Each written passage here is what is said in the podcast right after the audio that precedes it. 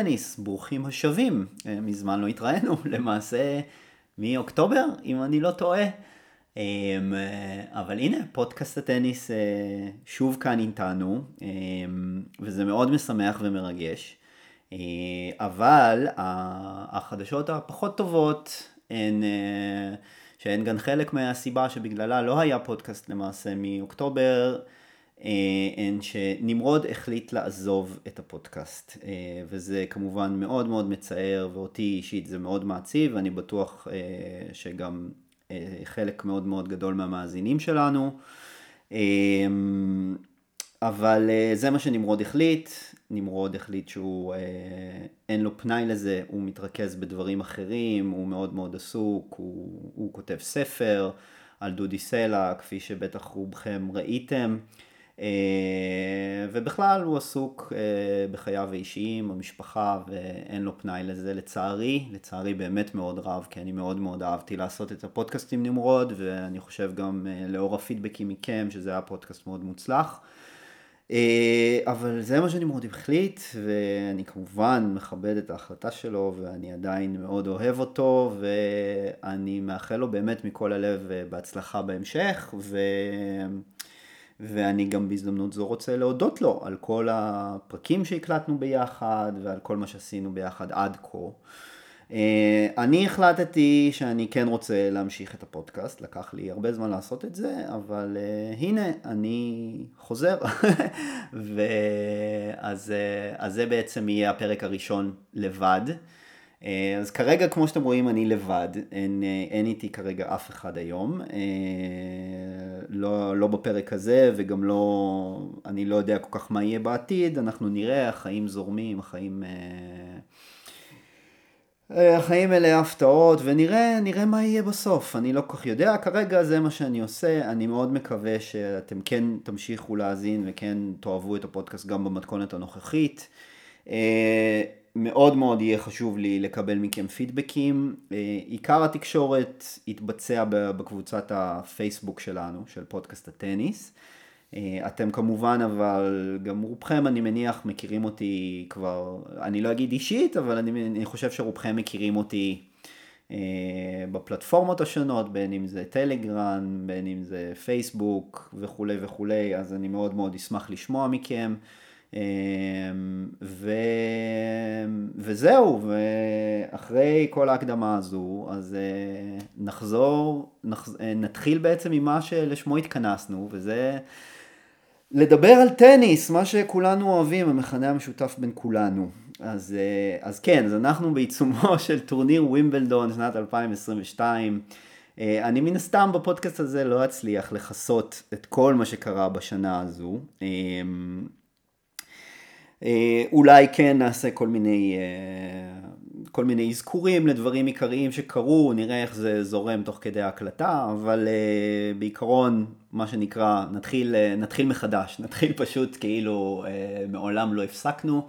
והיום יום חמישי, אני מקליט את הפרק ביום חמישי אחרי רבעי גמר הגברים. אולי עוד דבר אחד שאני רק רוצה להוסיף, זה שיהיה לפחות כרגע יהיה פחות מקום לטניס הנשים בפודקאסט הזה. אה, מהסיבה המאוד מאוד פשוטה, אני לא מספיק מבין בטניס הנשים, אוקיי? אני חושב שאני מבין לא מעט בטניס הגברים, אה, ואני אוהב לדבר על זה, ואני חושב שיש לי בזה הרבה ידע. בטניס הנשים פשוט אין לי מספיק, ו... ולאור הסיבה הזו אני פשוט לא חושב שזה יהיה נכון אה, לדבר על דברים שאני לא מספיק מבין בהם. כמובן שאני כן אדבר, אבל זה לא יהיה עיקר הפוקוס. אה, זהו, אז אנחנו, כאמור, אנחנו נמצאים כרגע יום חמישי, יום אחרי רבעי גמר הגברים בטורניר ווימבלדון. אז אני חושב שנתחיל בעצם מרבע גמר האחרון שהסתיים, שהמנצח בו הוא גם כנראה הסיפור הכי גדול של שנת 2022, אה, הלו הוא רפאל נדל. עכשיו, גילוי נאות, אה, אם יש לנו אה, מצטרפים חדשים לפודקאסט שלא מכירים אותי, אז אולי גם זו הזדמנות טובה להציג את עצמי מחדש, אז אני ארז אלגזי. אני אוהד רפאל נדל, אני חושב שזה גילוי נאות חשוב, כלומר יהיה די ברור ש... שאני אוהד נדל ברגע שתקשיבו לפודקאסט, אבל עדיין אני חושב שזה גילוי נאות ש... שחשוב לתת אותו. אז מן הסתם חלק מהדברים שנאמרים כאן נאמרים. מהפוזיציה הזו. זהו, אז, אה, אז רפאל נדל ניצח את טיילור פריץ אתמול במשחק סופר דרמטי, אה, בתוצאה 3-6-7-5, 3-6-7-5, 7-6, 10-4 ב tiebreak, ב super tiebreak של הסט החמישי. זו פעם ראשונה שנדל אה, נקלע ל super tiebreak אה, במערכה חמישית בגרנד סלאם, גם זה סוג של היסטוריה. אה, המשחק הזה היה סופר דרמטי, סופר מותח, אה, והוא עמד בעיקר, בעיקר, בעיקר בסימן הפציעה של נדל, שהתחלנו אה, לראות את ההשפעות שלה באמצע הסט השני. אה, נדל התחיל את המשחק בצורה נפלאה, הוא הוביל 3-1, שבר את פריץ כבר בגיים הראשון של המשחק, הוביל 3-1 ו-0-30 על ההגשות של פריץ בגיים החמישי. אמ, ומשם הוא, הוא סוג של נעלם עד סוף המערכה, הפסיד אותה 6-3, לא לקח אפילו גיים אחד נוסף עד סוף המערכה, פריץ שיחק נהדר. אמ, ובאמצע המערכה השנייה אנחנו אה, התחלנו לראות שפתאום נדל אה, מתקשה קצת בתזוזה, ובעיקר הסרבים שלו לא אפקטיביים, עד לגיים השביעי של המשחק, שנדל אמנם הצליח לזכות בו, אבל ראינו בו ש... הוא פשוט אה, לא מצליח להגיש כמו שצריך ושמהירות ההגשה שלו מתחילה פשוט לצנוח באופן די משמעותי. אמ, נדל ירד לפסק זמן רפואי, אמ, כשהוא יורד לפסק הזמן הרפואי הזה, אחרי שהוא מוביל 4-3 בסט השני און סרב, במאי השידור צילם את הבוקס שלו וראו שם בבירור ש... שחלק גדול מה, מה, מהטים שלו, אה, בראשם אבא שלו מסמן לו, אה, רפה תפרוש. עכשיו, אמ, אני אגיד את האמת, אני מקווה שלא, שלא ישלפו עליי פה סכינים אוהדי נדל דווקא, אמ, אחרי מה שאני אגיד. כשראיתי את זה, כשראיתי את רפה יורד לקבל פסק זמן רפואי וראיתי את, ה, את, ה, את, ה, את המבטים שלו לעבר, ה, לעבר, לעבר הבוקס שלו בזמן שהוא חיכה לטריינר שיגיע, אני אמרתי לעצמי אה, שאני ממש ממש מקווה שהוא יחזור מהפסק זמן הרפואי הזה, יוריד את הבנדנה מהראש וילחץ ידיים לטיילור פריץ. אני, אה, עכשיו, היו לכך, אה, למה, למה זה מה שרציתי? שתי סיבות. הסיבה הראשונה והברורה היא שהסיכויים של נדל לנצח משחק ברגע שהוא פצוע וברגע שהסרף שלו לא עובד על דשא, ברבע גמר ווימבלדון נגד טיילור פריץ, שלא הפסיד מערכה עד אותו רגע, הם סיכויים אפסיים. אמ, בואו נגיד את האמת, סיכויים פשוט אפסיים. אני עד עכשיו לא מצליח להבין איך נדל ניצח את המשחק הזה בסופו של דבר. אמ, אבל אז זו הסיבה הראשונה, אבל הסיבה השנייה, וזו הסיבה העיקרית שאני רציתי שנדל יפרוש, זה שאני פשוט לא רציתי לראות אותו סובל. אני לא יכול לראות את רפה סובל יותר. אני מאוד מאוד מאוד קשה לי עם זה באופן אישי. אני, הבן אדם הזה, שאני יודע שהרבה אנשים כאן שאולי גם מקשיבים לפודקאסט הזה, שלא אוהדים את נדל, יש להם דעות אה, שונות ומגוונות לגבי הפציעות שלו, ומן הסתם רובם, מן הסתם רוב מי שלא אוהד את נדל ואוהד נגיד את ג'וקוביץ' או את פדרר, הם לא אוהבים את נדל, בדיוק כמו שאני אוהד את נדל ואני לא אוהב לא את ג'וקוביץ' ולא את פדרר, כן, אבל אה, אני חושב שאף אחד לא יוכל להתכחש לעובדה שנדל בסופו של דבר הוא בן אדם ש... שהסב המון המון המון אושר והמון אה, סיפוק ועורר המון המון המון השראה בקרב הרבה מאוד אנשים בעולם, ואת זה אי אפשר לקחת ממנו, תאהבו או לא תאהבו אותו. ו... וכמובן כמובן שנדל לא עושה את זה ממניעים אלטרואיסטים או משהו כזה, כן? לא, זה לא מה שאני אומר, אבל הוא עושה את זה בשביל עצמו כמובן, ועדיין, אה, בן אדם שנתן כל כך הרבה מעצמו, עלי כבר, אני פשוט קשה לי לראות את הבן אדם הזה סובל. הוא סבל כל כך הרבה על מגרשי הטניס, ושאני כבר הגעתי לשלב, ולמרות שכמובן אני מאוד רוצה לראות את נדל משחק, ו... ו... והמחשבות על היום ש... של הטניס אחרי רפה הן מחשבות שרצות לי בראש כבר שנים, והן מחשבות, בגדול מחשבות די קודרות. עולם הטניס יהיה עולם הרבה, הרבה פחות צבעוני ויהיה הרבה יותר אפור עבורי ועבור כל אוהדי נדל, ואני חושב שגם עבור כל אוהד טניס. אני חושב שברגע שנדל... ג'וקוביץ' ופדר לא יהיו איתנו, אז uh, בפרט עבור כל אחד מהאוהדים הספציפיים שלהם, uh, אלה יהיו, זאת תהיה תקופת הסתגלות קשה. ו... וזהו, ואני פשוט לא רציתי לראות את רפה סובל, וגם הסיכויים שלו לנצח את המשחק היו כל כך נמוכים, אז אמרתי די, רפה, עשה, עשה לעצמך טובה, די, נתת לנו מספיק, תלחץ את היד לפריץ, לך, תחזור הביתה למיורקה, תעלה על האונייה שלך, תשתה קצת, לא יודע מה שותים שם בספרד, רציתי להגיד אה, קמפרי, אני לא יודע אם זה היה משקיע פופולרי. בכל מקרה, אה, אני חושב שבאמת, וגם לאור, במיוחד לאור מה שכל רפה עשה השנה, שכמובן לא נספיק לגעת בו בפרק הזה, אחרי הזכייה המדהימה שלו באוסטרליה, ואחרי הזכייה שלו ברולן, ניצחונות על ארבעה top 10, אה, כולל ניצחון על ג'וקוביץ' ברבע הגמר. אז כן, אז גם לרפה מגיע לנוח. אה, ו... וזהו, והעובדה שהוא בסוף איכשהו כן הצליח לנצח את המשחק הזה. אה, שוב, היו דיונים רבים במרשתת.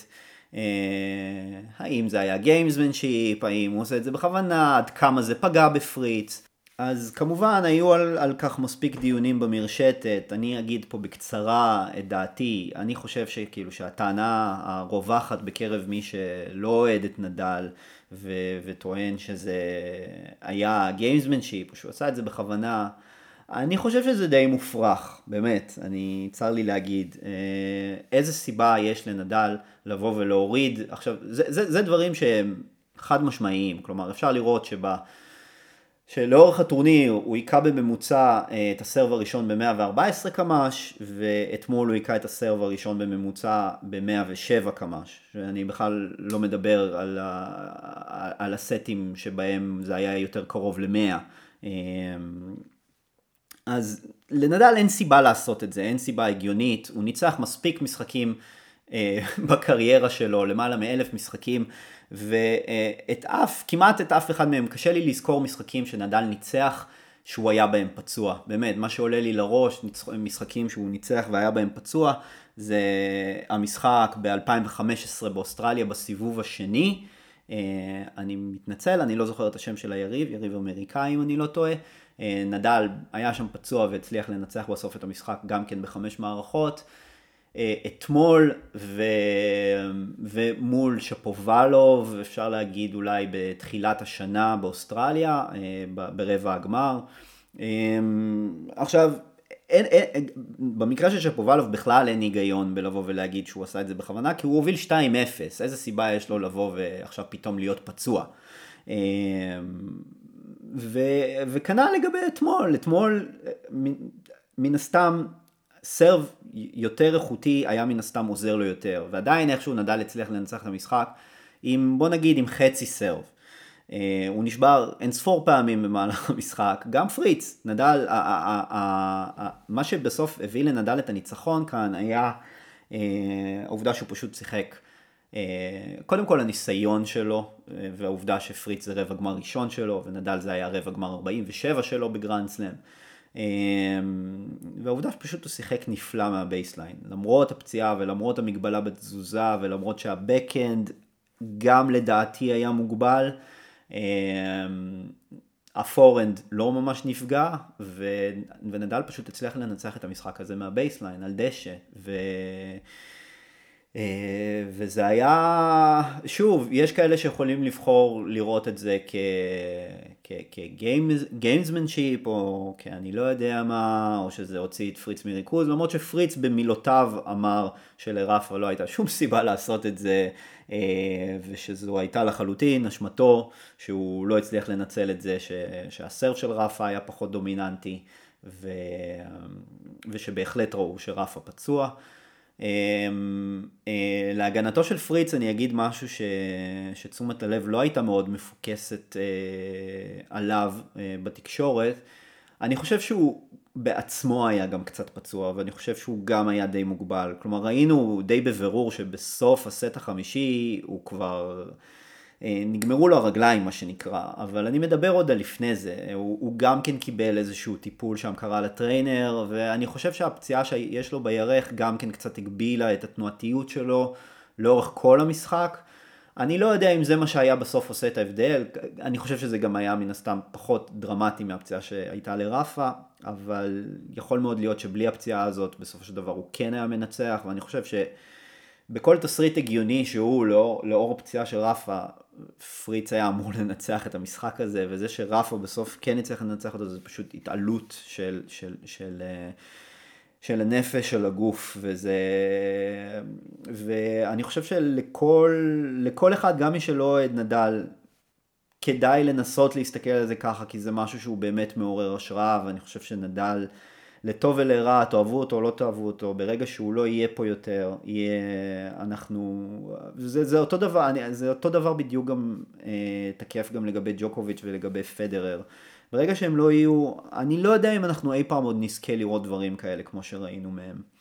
ו, וכדאי לנצור את הרגעים האלה ולהעריך אותם למרות שלא אוהבים אותם, אוקיי? אז כמו שאני לא אוהב את ג'וקוביץ', אני לרגע לא אהסס לבוא ולהגיד, ואנחנו כמובן תכף נדבר גם על ג'וקוביץ', שהוא פשוט שחקן ענק, ומה שהוא עושה פה בטורניר זה פשוט נפלא, והקאמבק שלו מול, אה, מול סינר, תכף נדבר גם על זה.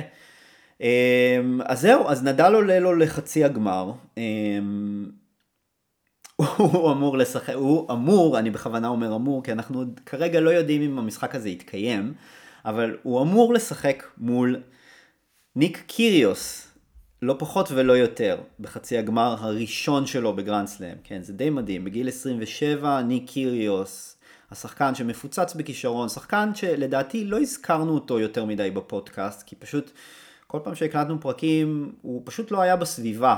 ואני באופן אישי גם לא מאוד אוהב לדבר על ניק קיריוס, כי רוב הדיבורים על ניק קיריוס הם סביב דברים שלא קשורים לטניס, ואני פחות אוהב לדבר על זה. אמ, אבל הנה ניק קיריוס בחצי גמר ווימבלדון ו... והוא ראוי אה, לחלוטין לכך שנדבר עליו בפודקאסט הזה כי הוא הגיע לשם בזכות הטניס שלו. כן, אפשר להגיד שזה היה מלווה בכל מיני שערוריות ובכל מיני התנהגויות. אני, אני שוב, כמובן, לכל אחד יש דעה מאוד מאוד מוצקה על ניק קיריוס, גם לי יש. אני לא אוהב אותו כלל וכלל, את איך שהוא מתנהג על המגרש. אמ, כשאני מקשיב לו במסיבות עיתונאים הלב שלי קצת יוצא אליו, אה, במיוחד כשהוא מדבר על התקופות שהוא היה עם מחשבות אובדניות ושהוא לא ידע בכלל אם הוא הולך לחזור לשחק טניס וברור שהוא בן אדם שעוברים עליו המון המון המון דברים. אה, אבל אני לחלוטין לא מקבל את איך שהוא מתנהג על המגרש, את איך שהוא מדבר על שופטים ועדיין הטניס שלו היה לא פחות ממדהים בטורניר הזה והוא בחצי גמר אחרי שהוא ניצח את ציציפס בארבע מערכות, ואחרי שהוא ניצח בשני משחקים שונים, בסיבוב הראשון וב, ובשמינית הגמר, בחמש מערכות. אז הוא שומט כבר חמש מערכות סך הכל אה, בטורניר הזה, ומגיע לחצי הגמר. וזה פעם ראשונה שלו בחצי גמר, ואני לא חושב שיש לו הרבה סיכוי לזכות, כי אני חושב שגם אם נדל לא, י, לא יופיע למשחק, וזה כרגע באמת בסימן שאלה מאוד גדול, אז גם אם הוא יקבל ביי לגמר וגם אם הוא כבר עכשיו אפשר להגיד שהוא בגמר, אה, בואו נצא מנקודת הנחה רגע שהוא בגמר, אז אני חושב שעדיין, אה, בהנחה מאוד סבירה ש, שג'וקוביץ' ינצח את נורי, אני חושב שג'וקוביץ' ינצח אותו, ואני חושב שהוא גם ינצח אותו באופן די חד צדדי. אני מתקשה לראות את קיריוס אה, נותן לו fight, במיוחד גם לאור המעמד, לאור ההבדל הכל כך עצום בניסיון של השניים. ואין מה, ו- ואתם יודעים מה, גם בלי, בלי הניסיון ג'וקוביץ' פשוט שחקן יותר טוב ממנו, בוודאי ובוודאי שהוא שחקן דשא יותר טוב ממנו, למרות שזה המשטח הכי חזק של קיריוס. אמ, ואני, אז זהו, אז אני לא חושב שהוא יזכה בתור, ועדיין אני חושב שעצם ההגעה לחצי גמר זה הישג עצום עבורו. אמ, קצת חבל עבורו שאין נקודות דירוג בטורניר הזה, אה, שזה גם כן נושא בפני עצמו, שלא ניכנס אליו כאן. אמ, זה היה יכול, ה-720 נקודות האלה, ואולי 1200 ואולי 2000, לכו תדעו, היו יכולות מאוד לשדרג את הדירוג העולמי שלו. אה, הוא כרגע בכלל לא מדורג בטורניר בווימבלדון. אה, אז זה כמובן היה מאוד יכול להשתנות עם ההישג שלו כרגע בווימבלדון. אה, אז קצת חבל מבחינתו בהיבט הזה.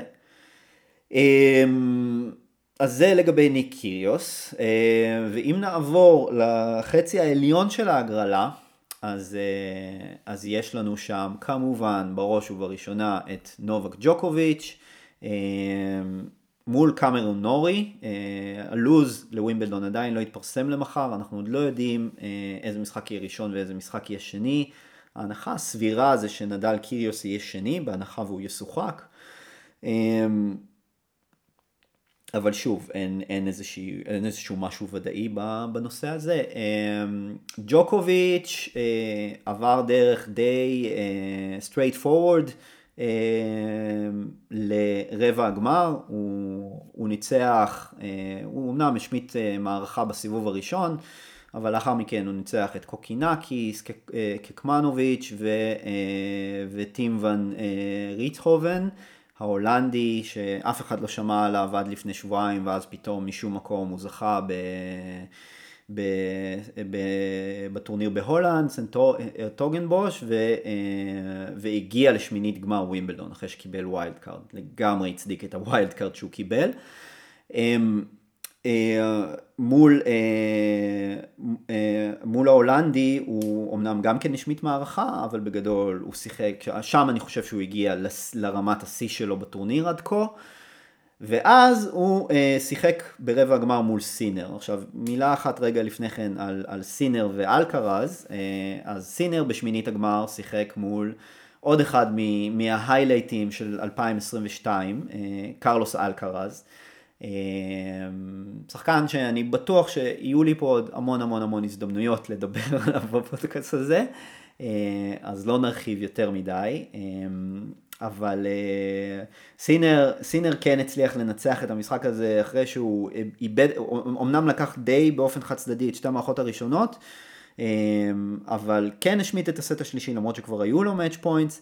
אה, אלקרז הצליח לקחת ממש בשיניים את ה tiebreak, סינר לא ממש נבהל מזה, אה, יאמר לזכותו, מה שקורה לו הרבה פעמים, שהוא כן אה, אחרי שהוא מוביל, וזה במידה מסוימת זה קצת מה שקרה לו ברבע הגמר מול ג'וקוביץ', זה לא קרה לו מול אלקרז, הוא תפס את עצמו בידיים ולקח את המערכה הרביעית של שלוש. והפיל לרבע גמר, פעם ראשונה שלו ברבע גמר בווימבלדון.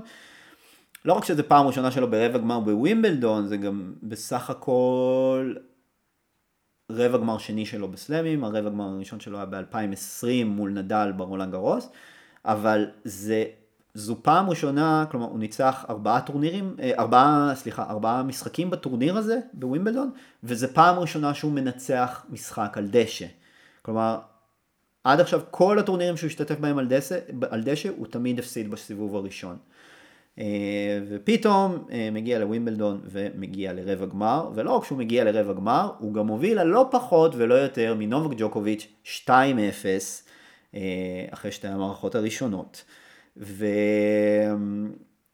מצטער, אני לא רוצה להישמע, להישמע מתנשא או משהו כזה, אבל אני בשום שלב לאורך שתי המערכות האלה לא אמרתי לעצמי, וואלה, יש פה לסינר באמת סיכוי גדול לנצח את המשחק הזה. אני... היה לי די ברור, ג'וקוביץ' שיחק לא טוב, והיה לי די ברור שברגע שג'וקוביץ' קצת יתאפס על עצמו, סינר הרמה שלו תרד, כי סינר שיחק פשוט מדהים בשתי המערכות הראשונות. הוא נתן ווינרים על ימין ועל שמאל, ובעיקר אה, ווינרים עם ה forehand, עם ה cross court forehand שלו, שזה פשוט מרהיב לצפייה, באמת, זה כל כך flat, זה כל כך חזק, זה באמת מרהיב, ופשוט אין מה לעשות נגד זה, אין לזה תרופה, אין לזה, אין לזה, אי אפשר לתקוף את זה, אי אפשר להחזיר את זה. ו... אה, וזהו, ו... אז היה ברור שהרמה שלו קצת תרד. אה,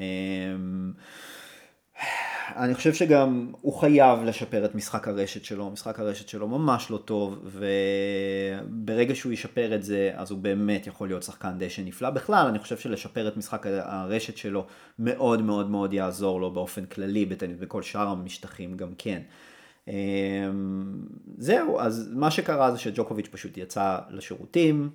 עשה לעצמו קצת פפטוק וחזר, וחזר להיות נובק ג'וקוביץ', וזה כאילו, זה, זה, אני לא יודע כל כך איך לתאר את זה במילים, אבל זה כאילו הרגיש שהתוצאה היא לא באמת 2-0 לסינר, זה הרגיש כאילו המשחק עכשיו מתחיל מחדש, ושבעצם כל מה שג'וקוביץ' צריך לעשות זה לנצח שלוש מערכות, ולנצח אותן ברצף. וזה לא הרגיש כמו איזה הר שצריך לטפס עליו, וזה באמת לא מה שהיה. ג'וקוביץ' פשוט עשה את מה שהוא צריך לעשות, שיחק כמו שהוא צריך לשחק, הרמה של סינר ירדה, והרמה של ג'וקוביץ' עלתה משמעותית, והוא ניצח אותו פשוט באופן ממש חד צדדי, 6-3, 6-2, 6-2. ו... ו... וזה נובק ג'וקוביץ', זה נובק ג'וקוביץ', וגם בגיל 35 יש לו את זה עדיין, ואי אפשר לקחת את זה ממנו. ואפשר לאהוב אותו, אפשר לא לאהוב אותו, הוא גם היו איתו אין ספור סיפורים בשנת 2022 שמן הסתם לא ניכנס אליהן, בראש ובראשונה הסיפור עם אוסטרליה, גם עליו כמובן יש דעות, אה, כנראה שיש עליו יותר דעות מאשר אוהדי טניס, אה, אבל אני חושב ש... שעל דבר אחד אין מחלוקת, שהוא פשוט שחקן אגדי, ואני מאוד מאוד מאוד אופתע אם הוא לא ייקח את הטורניר הזה. אולי הייתי מדבר קצת אחרת אם הייתי חושב שרפה באמת 100% כשיר, אבל כרגע בהנחה שאני בכלל לא יודע אם רפה יעלה לחצי הגמר שלו, אז אני פשוט לא רואה מי יעצור אותו. אה, כי היריב שלו בחצי הגמר הוא קמרון נורי, שהוא גם סיפור סינדרלה די מדהים כשלעצמו, אוקיי? הוא בריטי, ש... לא מקבל מספיק את הכבוד הראוי לו. הוא שיחק בסך הכל פעם אחת בסנטר קורט בכל... אה, אה, מתוך ארבעת המשחקים שהוא שיחק בטורניר, רק אחד מהם היה בסנטר קורט. וזה בריטי, זה הבריטי מדורג, אה, הבריטי הראשון בדירוג, ושחקן שזכה שנה שעברה באינדיאן ווילס, ו... ולא יודע, וכאילו הסיפור שלו קצת עובר מתחת לרדאר. והוא באמת שיחק כאן, אה, משחק כאן נפלא, הוא ניצח את דוד גופן, עוד סיפור סינדרלה בפני עצמו עם קאמבק די מטורף. אה, שהוא עושה השנה, שהגיע ממש עד רבע הגמר, והגיע ממש כפסע מחצי הגמר, אה, אחרי שהוא, אחרי שהוא כבר הוביל 2-1 במערכות, והפסיד את שתי המערכות האחרונות, ואת הסט החמישי הוא הפסיד 7-5 לנורי.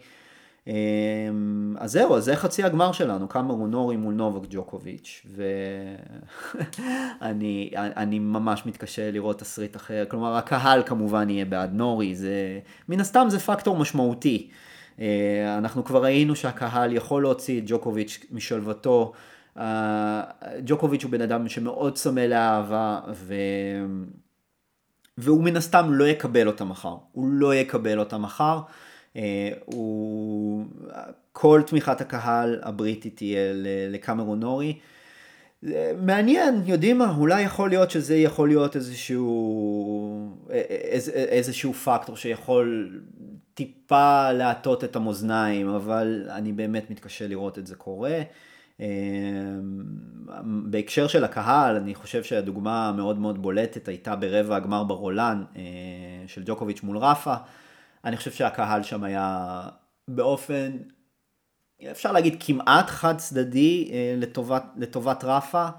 אני חושב שזה קצת פגע בג'וקוביץ', אה, אני חושב גם שהוא עדיין לא היה בשיא הכושר הגופני שלו שם, הוא עוד לא היה כל כך מוכן למשחקים של למעלה מארבע שעות. אני חושב שזה כבר די מאחוריו בשלב זה. אה, במיוחד אחרי המשחק מול סינר, שאומנם לא הגיע לארבע שעות, אבל הוא כן הגיע לחמש מערכות, ו- וג'וקוביץ' לא הראה שום סימני עייפות. אבל אני חושב שקצת ראינו אה, בסטים שלוש וארבע, ש... ש... ש... אה, אה, אני מדבר על הרולן, על רבע גמר הרולן מול רפה, אני חושב שראינו בשני. במערכה מספר 3 ו-4, ראינו שרוחו של ג'וקוביץ' קצת נופלת, ואני חושב שזה היה קש... קצת קשור לקהל. אמ, זהו, אז בואו נראה מה יהיה מחר. אני, ההימור שלי הוא כמובן ג'וקוביץ'. אמ, זהו, אה, אז זה, זה בגזרת הגברים. אמ, אם uh, נדבר עכשיו רגע בקצרה uh, על הנשים, אז, uh, אז שני הסיפורים, אני חושב, הכי גדולים ש, שיש לנו uh, בטורניר הנשים השנה, הם אה, ההדחה של איגה שוויונטק ואונס ג'בור, שנמצאת כרגע בחצי הגמר, אה, היא פייבוריטית מובהקת לעלות לגמר. אה, עכשיו, אם היא, אם היא תזכה בטורניר הזה, אז אם אני לא טועה, היא תהפוך להיות השחקנית המוסלמית הראשונה שזוכה בגרנד סלאם, אה, שזה מדהים, שחקנית מתוניס, מדינה קטנה, מדינה... סדר גודל של ישראל באמת, ו... ו... ותראו, ותראו לאן, לאן שחקנית שלהם הגיעה, שמן הסתם תשתיות הטניס בתוניס הרבה פחות טובות מתשתיות הטניס בישראל, ובאופן כללי גם ספורט הנשים, אני חושב, בתוניס, אני לא מאוד בקיא, אבל אני, שוב אמרתי, אני לא בקיא מאוד בטניס הנשים, ואני לא רוצה סתם להגיד שטויות, אבל אני חושב ש... אה, הדרך שלה לצמרת הייתה מן הסתם יותר קשה, כשחקנית, כשחקנית אישה שמגיעה מתוניס, ממדינה מוסלמית. אה, זהו, והיא בחצי הגמר. היא משחקת שם מול טטיאנה מריה, הגרמניה, שהיא בעצמה אה, סיפור סינדרלה אה, נפלא, שחקנית שאני חושב מעולם לא עברה סיבוב שני בגרנד סלאם. היא ילידת 87 אם אני לא טועה, ויש לה שני ילדים, אה, גם כן סיפור מאוד מאוד מעורר השראה. אה, ובחצי הגמר השני אה, תשחקנה סימונה הלפ וריבה קינה. סימונה הלפ עד, עד עכשיו נותנת טורניר נפלא, היא כמובן הפייבוריטית לנצח, לנצח את המשחק הזה, אני חושב שהיא גם הפייבוריטית לנצח את הטורניר, הגמר שלה מול אה, אונס ג'בור יהיה גמר מרתק. אה, מן הסתם ג'בור יכולה לנצח אותה, אבל אה, אני חושב שהלפ תהיה הפיבוריטית. הלפ, אה, הלפ ניצחה שחקניות, אה, שחקניות לא רעות בכלל בטורניר הזה. היא ניצחה את פליפקנס, את פרש, את בדוסה אה, ואת הניסימובה. אה, ועכשיו מחכה לריבקינה. אז כלומר, דרך ממש ממש לא קלה עברה על הלפ. אה, וזהו, והסיפור השני הגדול, אני חושב בכלל של שנת 2022 אה, בטניס הנשים, אז היו שני סיפורים, כמובן הייתה הפרישה של אש ברטי אחרי שהיא זכתה באוסטרליה והחליטה שהיא פורשת, אחרי הגרנדסלם השלישי שלה, ומה שנקרא, מיד לנעליה נכנסה, תפסה את מקומה מישהי אחרת, לא רק שתפסה את מקומה בדירוג, גם בגלל ש... אה, אה, אש ברטי ביקשה להסיר את עצמה מהדירוג, אבל גם בגלל שפשוט שוויונטק הייתה בלתי ניתנת לעצירה השנה. אה, הפעם האחרונה שהיא הפסידה עד, עד ווימבלדון, עד ההפסד שלה לקורנה, היה בעצם בטורניר אה, דובאי בחודש פברואר 2022. ומאז היא ניצחה לא פחות מ-37 משחקים ברצף, שבהם היא בקושי הפסידה מערכות והיא פשוט דרסה את היריבות שלה. היא זכתה בקטר, היא זכתה באינדיאן ווילס, היא זכתה במיאמי, אה, אחרי זה היו לה עוד שני ניצחונות בבילי ג'ין קאפ, פד קאפ. ניצחה אחר כך בשטוטגארט, ניצחה, אה, עברנו לחמר, כן? ניצחה בשטוטגארט, ניצחה ברומא, וגולת הכותרת זכתה ברולנד גרוס בפעם השנייה. כשהיא מפסידה שם רק מערכה אחת בדרך, ובאמת, בקושי מפסידה גיימים. זה היה די מדהים לצפייה. ו- וכרגע יש לה כמעט פי שתיים נקודות יותר מהמקום השני בדירוג, בדירוג הנשים. ועדיין דשא, הדשא לא האיר לפנים, ו... והפסידה לאליס קורנה בסיבוב השלישי, היא אמנם ניצחה את שני המשחקים הראשונים, אבל הפסידה לאליס קורנה, שחקנית דשא מצוינת, הפסידה לה בשתי מערכות חלקות, ויצאה מהטורניר, והרצף הדי מטורף הזה נגמר, רצף שכלל כאמור זכייה בארבעה טורנירי מאסטרס, לא פחות, וארבעה טורנירי מאסטרס ברצף כמובן. שניים על hard, שניים על חמר, פלוס שטוטגארט, טורניר 500, שהוא גם טורניר מאוד יוקרתי בסבב הנשים, וכמובן גולת הכותרת הרולנד גרוס. אמ, זהו, אז הרצף הזה נגמר. אמ, זהו זה, אז זה, זה הפרק להיום. אמ, אני שמח על הקאמבק, מה שנקרא. ואני אהיה עוד יותר שמח כמובן אם תאזינו, ואני שוב מאוד מאוד מאוד מאוד אשמח לשמוע את הפידבקים שלכם. ואנחנו נתראה פה שוב בקרוב, אני חושב שזה יהיה ביום אה, ראשון אה, לאחר הגמר. אה, זהו זה חברים, אז באמת תודה רבה, למי שנשאר עד הסוף ולמי שגם לא נשאר עד הסוף, אני גם מאוד מאוד מודה. ונתראה חברים, ושיהיה חצאי גמר שמחים לכולם, ווימבלדון שמח, ו... וזהו, להתראות, ביי.